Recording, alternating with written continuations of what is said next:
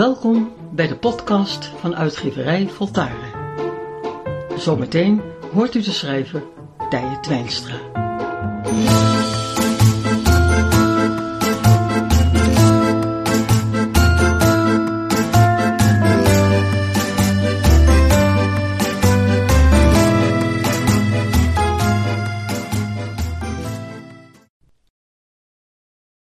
Goed leiding geven is een kunst.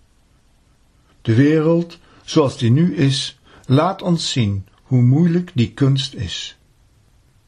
Ook de huidige leiders luisteren te veel naar iedereen of ze luisteren alleen naar hun eigen achterban. In beide gevallen geven ze geen leiding, maar worden ze door belangen gericht of door emoties bepaald. Om goed leiding te kunnen geven, zul je een duidelijk doel voor ogen moeten hebben. Een visie bestaat niet alleen uit het bereiken van een doel, maar meer nog uit de kennis van de weg er naartoe. Maar ook het doel is niet zomaar een doel. Iedereen kan bedenken: ik wil rijk worden, of ik wil beroemd worden.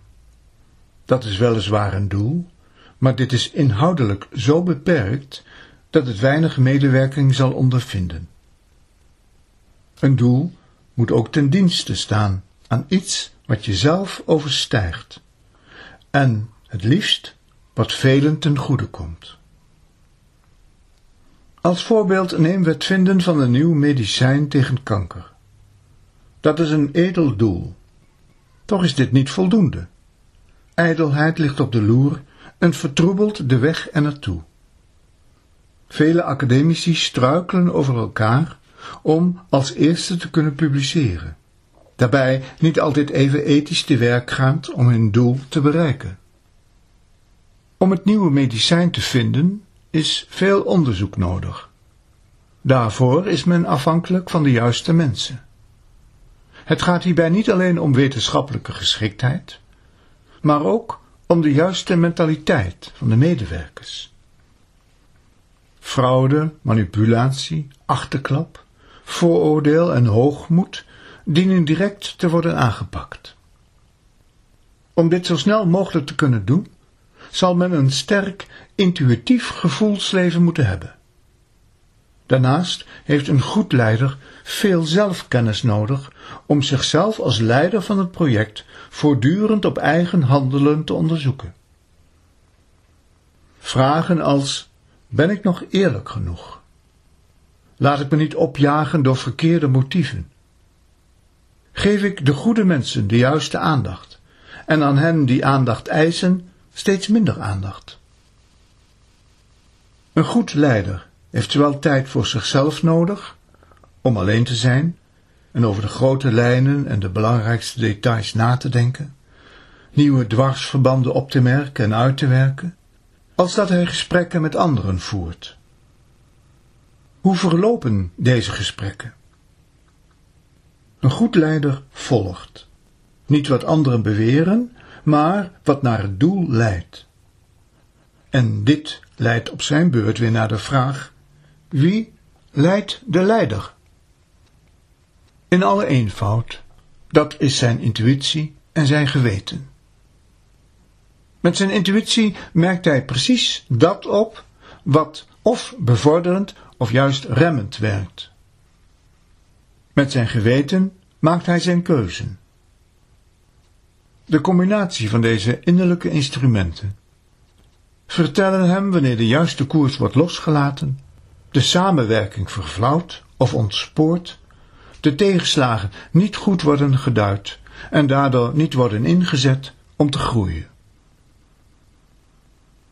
Goed leiderschap is een eenheid van geconcentreerde aandacht op het einddoel en een wijde, openstaande focus op de weg er naartoe. Slechte leiders richten zich alleen op het doel en zijn angstig daarvan af te wijken. Hierdoor ontbreekt de spontane ondersteuning van anderen. Of ze hebben een te vaag doel, waardoor ze te veel naar anderen luisteren en het zo goed als niets wordt bereikt. Goede leiders herken je doordat ze het doel in zich dragen. Ze zijn vanuit de kern overtuigd. In wezen hebben ze het doel al bereikt. Toch zijn ze onderweg naar het doel open en ruimhartig. Hierdoor is de weg er naartoe hun tweede doel. Het eerste hebben ze eigenlijk al bereikt. En het is precies dat wat hen een goed leider maakt. Zo zal de samenwerking zowel ondersteunend zijn als effectief en inspirerend voor alle deelnemende mensen.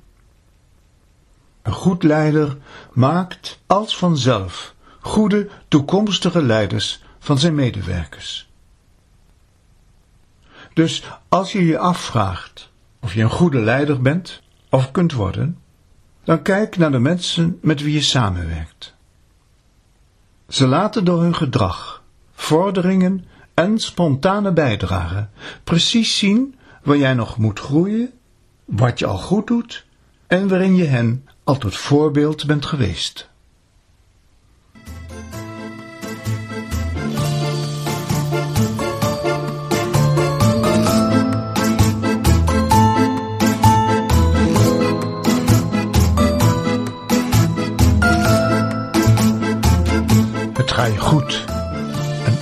Beter.